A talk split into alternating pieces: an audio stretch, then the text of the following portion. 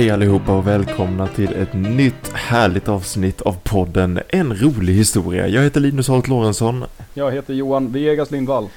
Vi ska köra en liten speciell grej i detta avsnittet Jajamän. som jag är väldigt peppad för. Mm. Vi har fått för oss att vi vill göra ett frågeavsnitt. Ehm, Det vet ni Ja. redan för troligtvis har vi döpt detta avsnittet till frågespecial eller något sånt men ehm, Vi spoilar Vi har- det redan i titeln. Ja, Vi, vi, dö, vi kan döpa avsnittet till något helt annat. Typ, allt du velat veta om Egypten, sånt clickbait. oh, oh, ja men då måste det vara sexuellt om det ska vara clickbait. Ehm, vad hände med Napoleons penis? Gärna något penisrelaterat tänker jag. Rasputins penis är ju ganska eh, Jo, omtvistad.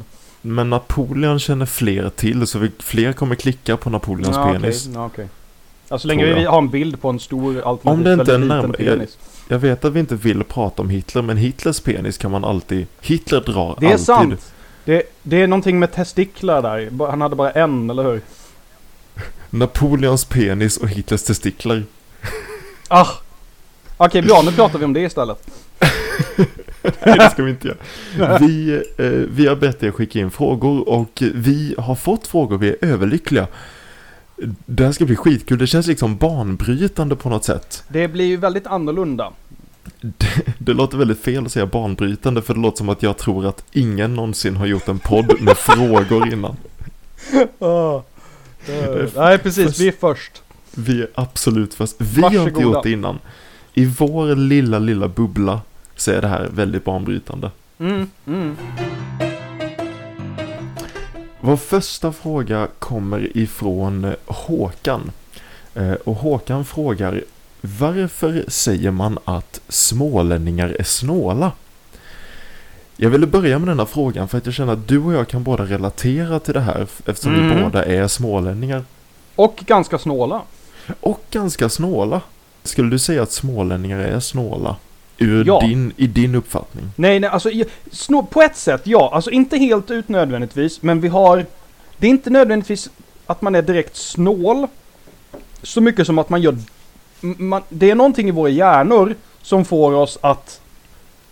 Att när någonting är rödmarkerat i affären så vill vi ha det. Eh, Vi, ekonomiska skulle jag vilja säga att vi är. Ja, kan vara. Alternativt bara... Jag vet inte. Det är faktiskt omtvistat, alltså om det är sant eller inte. Mm. Överhuvudtaget, jag har hittat lite, mm, lite källor här, lite artiklar. Ja. Eh, och själv, självklart den första källan eh, är Barometern. Och det är ju vår Ja. gamla eh, hemtidning. Ja, jajamän. Eh, Kalmars, eh, Nybro Kalmars tidning. Mm. Och där finns en artikel som heter Myten om snåla smålänningar. Ah, Okej. Som eh, går in i djup detalj för att berätta hur generösa smålänningar faktiskt är. Det här låter ju som skitsnack.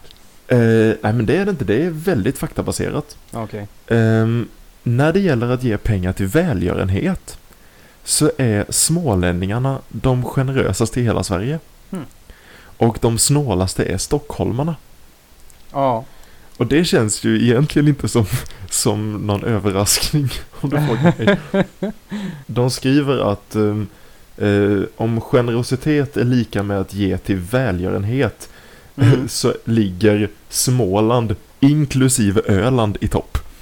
Inklusive Så- så de- Öland! Oj, oj, oj. Så de vill verkligen liksom poängtera att till och med det snåla Öland är med här. Ja, ja. Mm, men om man ska vara lite källkritisk så allt det här med välgörenhet ehm, handlar egentligen om att det är kyrkan, det är Svenska kyrkan som har sammanställt de här resultaten. Ja. Och det är då ehm, insamlingar till kyrko, ehm, en, kyrkliga ändamål. Okej. Och det får mig att tänka för att kanske, kanske är det så att Småland egentligen inte är så generösa, bara att vi är jävligt kristna. Ja! För Småland är ganska kristet. Det är det, alltså mer än vad man... I, varken du eller jag är ju speciellt eh, religiöst lagda om man säger så.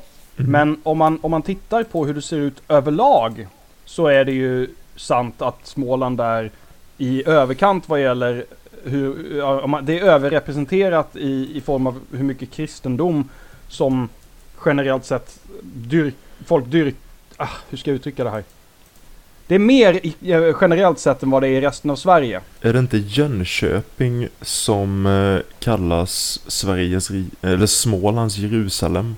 Det finns ju Jag- områden där, inklusive Jönköping, som är någon form av bibelbälte i, i Mm. Sverige. För en massa år sedan så åkte jag in i Jönköping eh, med buss och såg så här stora skyltar där det stod Välkommen till Smålands Jerusalem. Ja, ja. Så jag tror egentligen att det här handlar mycket mer om att vi vill ge pengar till kyrkan än att vi vill ge det, pengar. det tror jag också. För jag vet mycket väl, för jag, jag känner mig själv och jag känner folk runt omkring mig som är smålänningar och vi är, vi har en viss inställning som gör oss inte kanske snåla rakt av, men vi är lite, mm, mm, lite speciella i hur vi tänker kring pengar. Jag har, hittat en, jag har hittat en annan artikel som faktiskt är från eh, Jönköpingsposten. Mm. Eh, som har, det är jävligt kul. Barometern-artikeln hette Myten av snåla smålänningar. Ja. I Jönköpingsposten finns artikeln Snåla smålänningar, ingen myt. Ah. Så det Ja, går helt källkritisk. emot. Och de säger att smålänningar absolut är snåla. Och Mm. de grundade på en fakta som jag tycker är mycket mer tillförlitlig, nämligen att i Småland är generellt sett sparkontona allra störst. Jaha. Så smålänningarna sparar mer än några andra människor i Sverige. Ah. Och det tycker jag är hård fakta. Så att smålänningar är snåla har jag inget problem att skriva under Ja. på. Nej men verkligen, och om man ska se på det helt allvarligt, om man tittar på hur historien ser ut, Småland är ju, har ju varit väldigt fattigt väldigt länge. Eh, och Det väl det har ju påverkat självklart hur folk ser på pengar. Det har varit svårt att odla saker. Eh, Det har varit mycket do- dåliga förhållanden och därför ju, finns ju en anledning varför folk emigrerade från Småland på 1800-talet. Ja, och in på 1900-talet också. Alltså, Och in på 1900-talet. Småland, det var ju rätt så många från Småland speciellt som... Det är ju liksom, det är ju en grej. Och det, som sagt, just den här, eh, den här eh, fattigdomen, det, jag tror det har format någon slags småländsk eh, identitet som lever kvar i någon mån. Ja, men det tror jag också. Och sen tror jag att en sån grej kan bli att när det väl har blivit en grej, då tror jag man tar lite stolthet i det. Ja! Ja, visst är det så. För att jag är, jag kan ju vara stolt över att jag är... Jag är ju absolut stolt över att jag är smålänning, vilket är jättedumt för vad fan är, alltså va? Men... Ja, vad, vad man, ja. Nej, inte, inte att det är, vad ska man vara stolt över? Det finns ju jättemycket, men jag kan tycka att stolthet är lite konstigt i, när det gäller var man är född. För det Mm. bestämde inte jag själv. Nej. Men jag kan gilla den här grejen, men jo men jag är lite snål, jag är väldigt ekonomisk för Mm. att jag är smålänning. Jag gillar det, det finns någon stolthet oavsett om jag vill att det ska finnas det eller inte. Jag tror att det handlar också, där handlar det också till stor del att man, man äh, har en acceptans för vem man är och, och var man kommer ifrån. Mm. Och på något vis eh, ja, men uppskattar den delen av sig. Man, man är formad av sina omständigheter och det tror jag man tar stolthet i är väl att ta i men att man ska väl ändå Tror du, att, acceptera det som en, eh, ett faktum känns det som.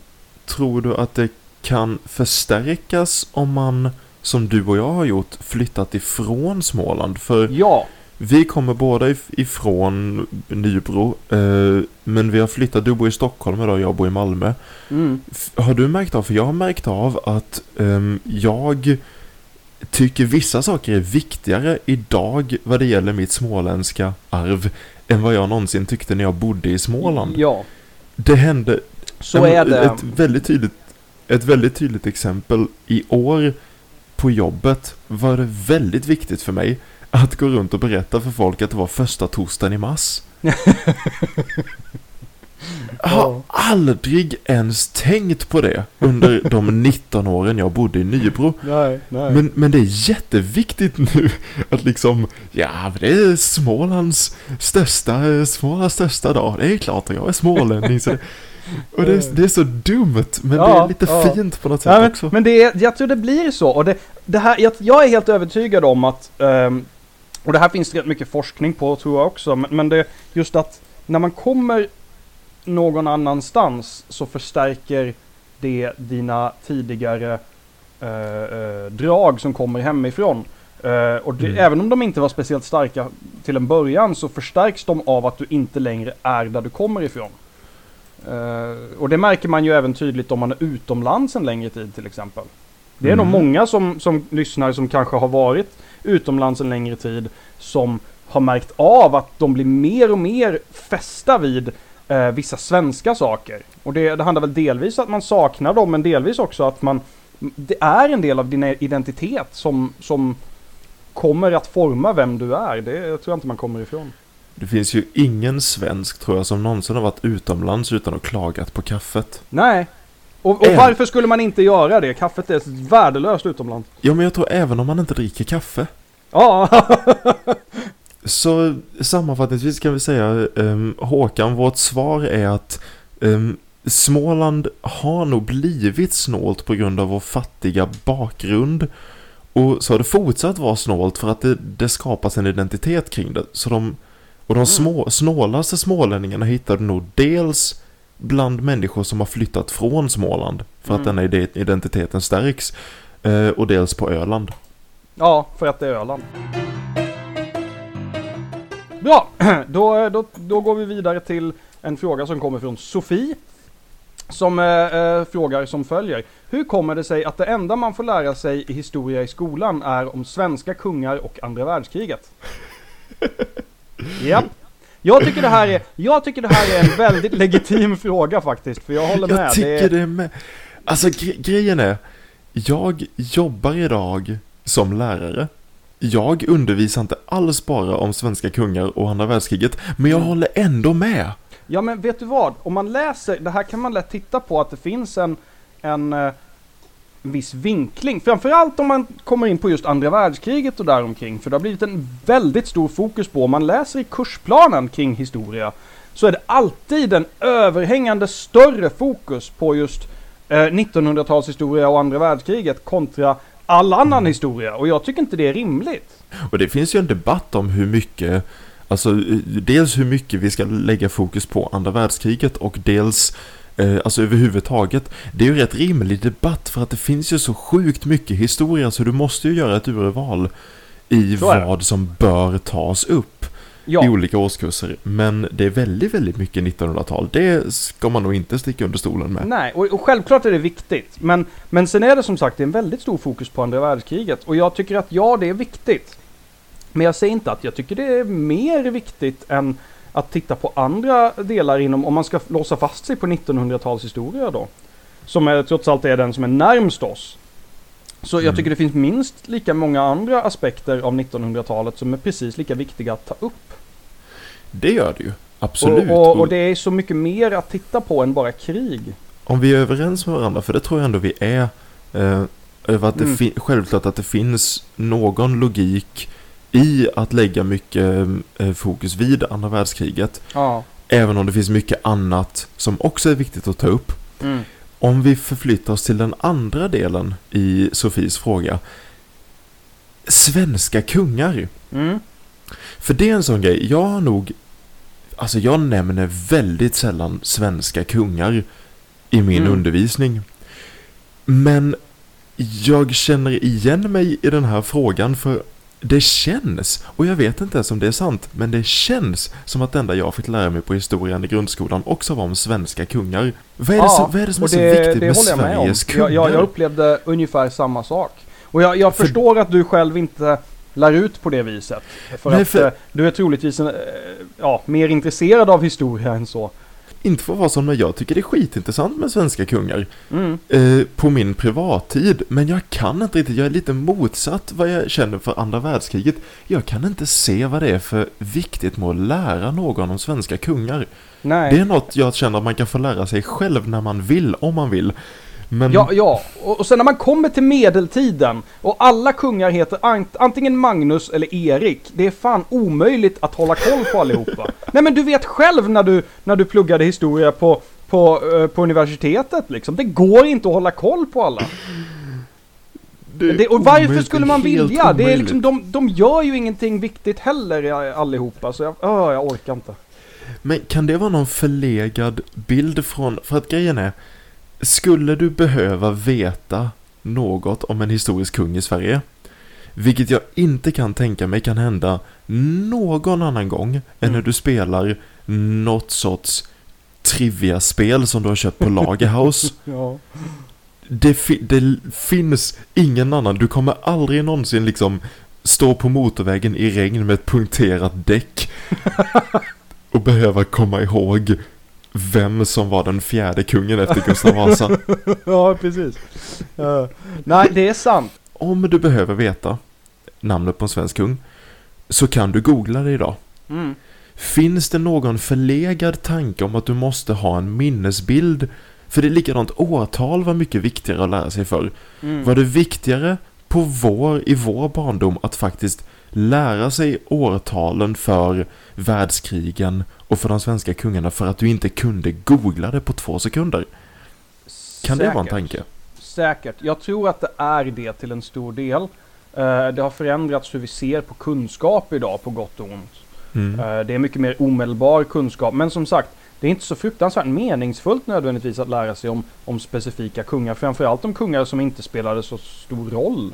Men? Sen, sen har jag en tanke kring varför det handlar om, på, är på det viset. Och det, det är just för att det finns mest skrivet om dem. Ah. Vi vet helt enkelt mest om det här. Det, andra delar av historien är minst lika intressant, troligtvis mycket mer intressant. Men det är mycket svårare att forska i för det finns mindre att, att, att liksom forska i, så att säga. Jag, jag tror att det är en stor del i det hela. Shit! Det har jag inte jag tänkt på, men de svenska kungarna egentligen. Det är ju lite samma grej, alltså i, i Egypten lär vi ju oss om faraoerna. Mm. Det är ju samma grej. Ja, ja, och det är om någonting Vad- värre än svenska kungar, för där finns det fan äckligt många. Och de har svåra namn. Vad dum jag känner mig nu, för att det är ju självklart att det är samma grej. Ja, vi- visst är det så. men det har aldrig det slagit mig. Men varför tycker jag att egyptiska faraoer är så jävla viktigt att lära ut? Där har jag ju varit Ja, nitisk ja, det- med mina det- elever. Ja. Fan ja, alltså heller att det ska finnas det, en sjua som inte känner till Hatshepsut. Ja. Det, det handlar ju lite om vad, vad, vad man vill lära ut också. För här, här Ja. kommer vi in på en intressant del. Hur vill du vinkla din utbildning? Vad vill du äh, säga med den? Vad vill du att de ska lära sig av det? Och då handlar det om vilka individer, vilket urval gör du? För att de ska få den utbildningen du vill att de ska få. Och på sätt och vis, utan att låta cynisk här, så är det ju ett sätt att manipulera dem Jo men det är eleverna det ju. alltså. Och det, är det ju. All undervisning på ett eller annat sätt är ju lite manipulation. Så, Så, är det, ju. så är det. Och det här är bara ett sätt för oss att, att eh, ja, men bidra med en, eh, den, den historien vi vill undervisa. För i, i grund och botten så är historien, man kan inte lära sig allt. Och man kommer aldrig veta exakt hur saker och ting var egentligen. Man måste alltid dra in en massa tolkningar. Och sen handlar det om, vad tycker du är mest intressant? Vad tycker du är mest viktigt? Och då kommer man ju in på, i och med att det finns så mycket om individer och så vidare, då vill man ju gärna fokusera på, ja men vilken kung var faktiskt intressant? Och vilken kung var faktiskt viktig att veta om? Och det är inte nödvändigtvis samma för dig som det är för någon annan, så det, det är så svårt det där. Men tyvärr är det mest de det finns mycket skrivet om. Det är samma Ja. med faraoner och med allting egentligen. Historieskrivningen har ju gått uppifrån och ner. Ja men så är det ju. Eh, men underbart, då, då har vi väl typ svarat på den frågan. Det här Jag går tror bra. det, i i någon mån. det vi kommer få jättemycket hatmail sen om hur, hur jävla mycket vi har flöjtat iväg med, med konstiga eh, icke-svar. Hur som helst, spelar ingen roll. Eh, din jag, tur jag då. blev, jag blev lite lycklig över tanken att vi skulle få hatmail för min, min spontana tanke var Oh, då får vi mail! Ja, eller hur? Tragiskt. Hej Linus och Johan! Nu när våren äntligen är kommen ser jag hur jag själv och övriga Sveriges befolkning blir snäppet trevligare och gladare. Ja, kanske rent av lyckligare. Detta leder mina funderingar till följande. De flesta av oss känner till uttryck som det glada 20-talet, i USA då främst. Mm. Eh, min tilläggning. Eh, men när i historien har svenskarna varit som lyckligast? Och varför just då? Hoppas ni kan hitta något svar på detta. Tack för en eminent podd. Hälsningar Denise. Eminent podd, mycket bra. Ja visst, det är fin svenska. Det, vi, har, vi har eh, vältaliga lyssnare. Johan. Ja. Bättre svenska än vad jag själv är kapabel till tror jag. Mm. ja. När i historien har svenskarna varit som lyckligast? Jag gillar den här frågan. Mm. Jag började googla när var svenskar som lyckligast och självklart fann jag ingenting. Nej, Inte det minsta. det blir ju Eh, så. Så istället har jag gjort en egen liten tidslinje. Jag vill att vi börjar nu på 2010-talet. Skulle du säga att svenskar är lyckliga idag? Jag vill säga mestadels ja. Mm. Eh, men ändå nej. Alltså, problemet är det här, för att lycka är inte eh, en mätbar sak. På sätt och vis är det väl kanske eh, det. Men Vet någonstans, för det, det, problemet, det jag menar är att det finns alltid fördelar med någonting och det finns alltid nackdelar. Och det, det kommer alltid finnas problem baserat på uh, de, den tidens uh, ja, situation. Så idag till exempel så tror jag vi är väldigt lyckliga, vi är extremt privilegierade i många saker. Och vi har mer än vad vi någonsin har haft och, och en massa sånt. Men eh, samtidigt så tror jag vi är mer frånkopplade mer, mer, på något vis verklighetsfrånkopplade idag än vad vi har varit tidigare. Det Eh. jag, vi- jag var inne på lite samma tankar. Ja, Att, ehm, att det är svårt att mäta lycka. Jag tror dock att det är lätt att mäta olycka. mm, För att precis som att vi föredrar att skriva om kungar istället för vanliga människor så föredrar vi att skriva om olyckliga händelser. Ja. Olyckliga händelser kommer alltid in i tidningen. Hur lång tid det än är tillbaka så vet vi om någonting var fel. mm, Även om vi inte vet vad som var rätt. Så därför tänker jag att om man går igenom Sveriges historia och kollar på hur jävligt allting var. ja, Så borde vi teoretiskt sett kunna hitta den tiden då det var som minst jävligt. Och då måste Ja. det ha varit som bäst. Eh, det, det är inte omöjligt. Vad man Eh. också får ta i, ha i åtanke där är att eh, människor var ju färre på den tiden. Så även om någonting kan verka som att det har varit väldigt dåligt så tror jag det kan också vara en konsekvens av mindre befolkning och så vidare. Så det är en massa sådana aspekter jag tror man måste ha i åtanke. Vi går igenom några så får du lägga dina aspekter på Mm. mina Mycket bra, teorier. då gör vi så. Vi börjar i 1900-talet. Mm. 1910 eh, har vi, är det inte speciellt eh, lyckligt för som vi pratade om innan så har vi utvandringen i full gång. Ja. Eh, den följer med in på 20-talet. Uh, Denise i frågan nämnde ju det glada 20-talet i USA men jag vet inte riktigt om det glada 20-talet fanns i Sverige på samma sätt. Ja.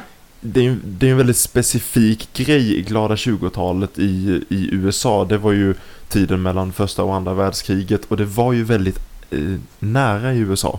Mm. För att de var involverade i båda krigen så jag tror det blir en tydligare, ett tydligare, en tydligare paus där. En Ja. tydligare anledning till lycka. Precis. Medan i Sverige så går vi bara och hugger i sten och letar efter potatis.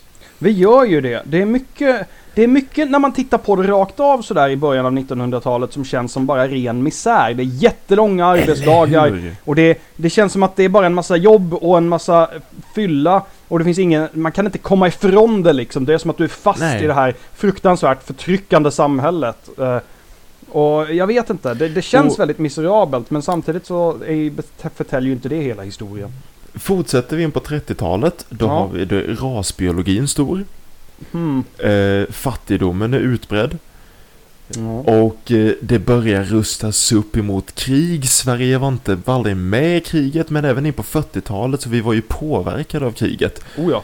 40-talet kan man ju absolut inte säga är den lyckligaste delen av Sveriges historia. Nej, det tror jag inte vi kan. Samtidigt så tror jag om man tittar på det i, i förhållande till resten av världen så tror jag vi var lyckligare än de flesta. På grund av just att vi inte var med i kriget. Ja, säkert. Men jag tror ändå det, jag skulle ändå säga att det låg en liksom dimma över Sverige. Det var, man gick nog inte Oh ja. liksom, det var nog inte högtiden för klubbfester liksom. Nej, nej, alltså jag kommer ihåg eh, mormor och morfar pratade mycket om eh, Mm. De hade sina matkuponger och det var mycket Eller liksom hur? fattigdom och, och dåligt med allt möjligt. Så det var, det var inte väl ställt någonstans. Men! Sen kommer vi till 50-talet. Mm. Och det eh, svepte jag förbi först när jag gjorde min väldigt icke faktabaserad research. Men så satt jag och snackade lite med, med en kollega på jobbet och, och pratade om att jag höll på att fundera ut när svenskar var som lyckligast. Och då sa han, men glada 50-talet då? Ja. Har du hört talas om termen glada 50-talet? För, för enligt Ah. honom så var det liksom en grej som vi säger precis som man säger glada 20-talet i USA. Ja. Jag ja. hade inte hört det innan. Jag, jag kan inte säga att jag har hört uttrycket, men det är inte en konstig eh, sak att eh, säga för att om, om man ser på det. Det är efter kriget, vi har kommit ur kriget hur bra som helst. Mm. Precis som USA har egentligen. Ja. Det är ingen liksom nämnvärd skada på vår egen infrastruktur. Eh, vi har det finansiellt välställt förhållandevis och det liksom går bra för oss. Så Mm. 50-talet tror jag är definitivt en kandidat för ett lyckligt årtal. Vad vi låser fast på nu dock, som jag tror man ska vara försiktig med, det är att vi tänker väldigt mycket på ekonomisk väl, ekonomiskt välstånd eh, exklusivt som en, en, en, ett sätt att definiera hur pass lyckliga folk är. Och jag tror att det stämmer till stor del, men jag tror inte det är hela historien. Jag har ju ifrågasatt det också för mig själv för att jag tror man måste särskilja mellan om Sverige hade det bra eller om svenskar hade det bra. Ja. Ofta går de nog hand i hand ändå, men, men, ja, men det kanske vet inte helt inte. ut. Vi, om vi går tillbaka till 1800-talet så nu har vi eh, nu har vi inte pratat om 60, 70, 80-talet men Mm, mm. 60-talet var väl också lite uppsving. 70-80-talet då kom syntpop så då var ingen lycklig. Men om vi hoppar tillbaka till 1800-talet då känner jag att det är en verklig distinktion. För 1800-talet där är industrialiseringen igång på riktigt. Mm, mm, Och det är ju ett jävla uppsving för Sverige. mm. Men det var ju inte bra för någon svensk. Alltså det var ju bara skitarbetstider och Ja, hårt jävla arbete och fruktansvärda och- eh, omständigheter. dö i 30 års ålder liksom. Mm, Så Sverige hade det väl rätt bra, men svenskarna hade det ju inte bra. precis, precis. Och likadant tänker jag om man går tillbaka på 1700-talet. Eh, då hade väl de rika det bra liksom. För då var väl Sverige i någon fin period så länge du var en adelsperson. Men gemene man vet inte sjutton om de hade så himla mycket anledning att vara Det, glada. nej, det gick ju ganska upp och ner det också. Det, det hade ju att göra mycket med eh, Ja men hur, hur pass bra år det var för skörd och så vidare. Det, det har det ju varit egentligen hela historien ja. överlag. Eh, har ju varit väldigt beroende på det. Svältperioder är ju inte bra för någon. Sen eh, kan... Och det finns ju horribla historier där folk har ätit, ja men jag vet inte, allt möjligt liksom bark och skit. Och det, det är det är bara, det är bara fruktansvärt. Sen kan man ju vända på det och säga att kanske var svenskar som lyckligast när vi eh, satt och tuggade på vår bark för att vi inte hade alla de här ångestframkallande ehm, privilegierna som vi har idag. Det fanns inget internet, det fanns inget Instagram. Du kanske inte jämförde dig själv med andra på ett sånt sätt. Det fanns inte Ja. eh, kroppsideal hos gemene man på... Det Precis. gjorde det ju såklart, men ja, ja, men inte kanske-. Fanns det på något zen-buddhistiskt sätt någon sorts lycka i att bara ha det man hade? Ja, precis. Det är svårt att ha, ha eh, vad heter det, eh, så mycket kroppsideal och liknande när alla väger 35 kilo. När Men- alla tuggar bark. Ja, men precis. Men, men sen tror jag det att du har, det, det är en intressant tanke för att eh, i modern tid kontra säg några hundra år tillbaka så det är ju en väldigt stor skillnad i vad man fokuserar på. Jag tror att mycket av vår olycka idag, eh, i, i alla fall i ett land som Sverige, kommer ju från att vi har för mycket, vi har för mycket valmöjlighet. Det är för, det är för komplicerat allting. Men Allting, allting är komplicerat idag och jag tror det gör oss olyckliga på ett helt annat sätt. Eh, det var mycket enklare för du, du hade väldigt klart för dig vad som gällde och vad du skulle göra i livet i princip. Och även fast man kan tycka idag eh, med alla våra möjligheter att det är fruktansvärt att vara så instängd tror jag samtidigt det ger en trygghet och en, ett fokus i livet som du inte har idag alls på samma sätt. Sen tror jag att hur mycket du än tar bort, hur enkelt du än gör livet, så kommer människor ändå vara människor. Och jag tror att den, den lyckligaste, mest eh, bekymmersfria svensken i- vid en hård skörd på 1700-talet kommer ju ändå stå ute på gården och snegla på grannen och tänka fan, han har mer bark. Ja! Visst är det så? Det är jäveln. Ba barken är alltid grönare på andra sidan. Du- That makes no sense at all. Ah, Det bådar inte gott för, jag, du vet när, när jag lägger upp vår um, podd på typ sådana olika poddsidor Mm. så nämner jag alltid att vi är två eh, utbildade historielärare. Ja. Vilket, vilket vi båda är. Men det bådar inte Mm. gott för det ryktet när vi sitter och får det att låta som att alla svenskar åt bark på 1700-talet. Vem ska säga emot två utbildade historielärare? Ja, yeah. Alla som lyssnar på podden. japp. Så, så vi kontrar med lite fakta på 1600-talet. Har jag ytterligare bevis på att det är skillnad på Sverige och svenskar. Mm. För 1600-talet var Sverige inne i stormaktstiden. Mm. Det måste ju ändå klassas som, alltså det är ju det bästa som har hänt Sverige. Vi var ju sjukt gigantiska en gång i Mm. tiden. Mm. Vi var ju sant. jättestora, vi ägde ju jättemycket. Men, det måste ju sugit för svenskarna. Mm. För jag menar, den enda anledningen vi kunde äga så himla mycket land på 1600-talet var ju för att vi skickade ut massa svenskar till att dö. Ja. Alltså man skickade ut folk i krig. Så det kan ju inte varit ett bra århundrade egentligen. Nej, sen, eh, tilläggas ska det göras att det var mycket legoknektar också. Eh, men, Oh ja, oh ja. men, men ja, mycket, många svenska bondpojkar försvann där. Ja, Och dog Ska- i dysenteri. ska du ha en stormakt ska den ju vattnas. Mm. Som en Så blomma. Vattnas med, med, med folkets blod. Eh, går vi tillbaka ännu längre, 1500-talet. Där tänker jag, där har vi Vasa-tid. Mm. Ehm, Gustav Vasa speciellt, nu eh, härskade ju inte han hela 1500-talet men nej. han var väl ganska grym och sträng som ledare liksom. Mm.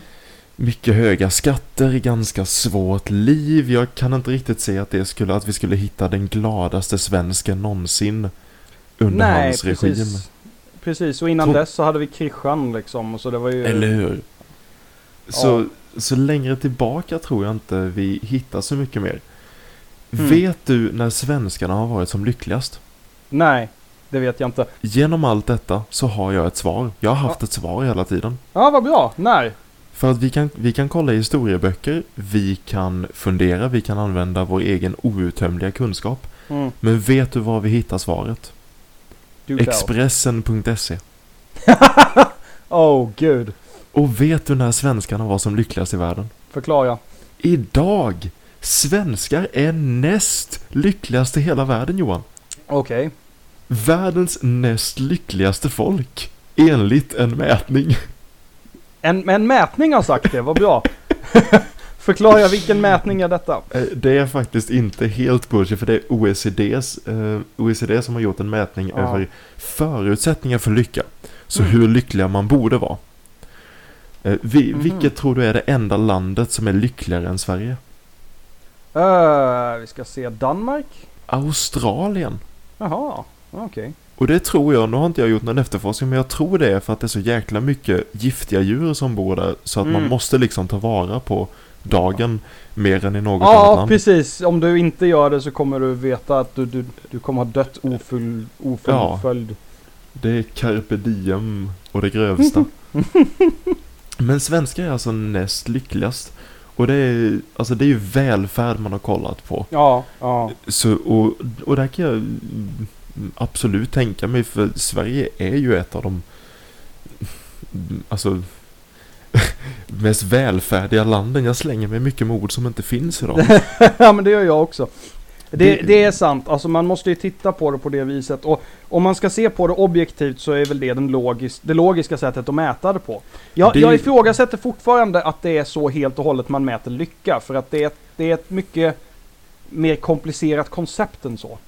Vi kommer ju alltid vilja ha den grönare barken. Alltså, Mm. jag tror nästan, jag, jag tror det finns något i, i det vi snackade om att ju, ju mer förutsättningar du har för lycka, desto mindre lycklig kanske man är. Mm. Ja, För men att precis. Du, du kommer alltid förvänta dig ännu mer. När kan vi säga att svenskar var som lyckliga? Det kanske var när vi satt och åt bark. Som vi gjorde hela På, 1700-talet. på, på ett sätt ja. Vet du, vad, vet du vad jag tror?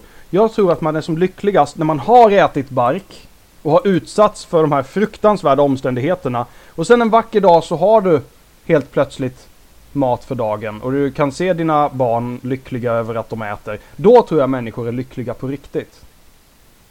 Jag vet inte Ja. nödvändigtvis att vi är lyckliga på grund av att, eh, på grund av att vi har en eh, eh, stor TV eller tillgång till, till internet 24-7 eller vad fan som helst. Jag tror inte det ger oss lycka. Jag tror det som ger oss lycka är att verkligen, verkligen uppskatta att vi lever. Och det tror jag man gör genom att man inte har, eh, inte alltid har haft sådana privilegier och att man vet vad det innebär att faktiskt vara nere i skiten liksom. Och det, det, det vet jag inte att moderna svenskar är så jäkla eh, varse om helt ärligt. Så mm, jag är inte helt hundra på att vi är som lyckligast idag.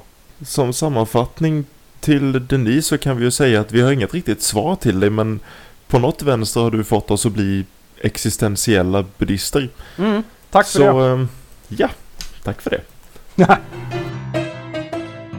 Jag tror det är dags att avsluta där egentligen. Mm, mm. Eh, vi har, vi kan, vi kan ju säga så här, vi har hållit på sjukt länge. Eh, Ja. Det är jättesent på kvällen, det hör ni säkert för att jag pratar med väldigt dämpad röst. eh, För att Mm. förhoppningsvis inte väcka min höggravida fru. Vi kommer nog dela upp det här i två avsnitt. Så när du hör oss säga det här så har vi jättemånga frågor kvar Mm. som vi har tagit. Eh, och vi, så vi har gjort ett litet hopp här, så någon gång i framtiden så kommer det nog en frågespecial 2. Precis. Stort tack till eh, dig som lyssnade. Jättestort tack till er som eh, faktiskt gav oss frågor. Mm. Fortsätt med det, fortsätt fråga saker, hör av er. Det är det roligaste som finns att få mail. Och tänk så här, om ni ställer frågor så är det en överhängande risk att ni faktiskt får, att de frågorna får figurera i framtida avsnitt. Ja, ni ska ju inte komma här med någon villfarelse om att vi har många lyssnare. Alltså ställer ni en fråga är det nästan 100% stan- Ja, chans det, att vi tar upp den frågan det i är podden. en, hö- en hög sannolikhet.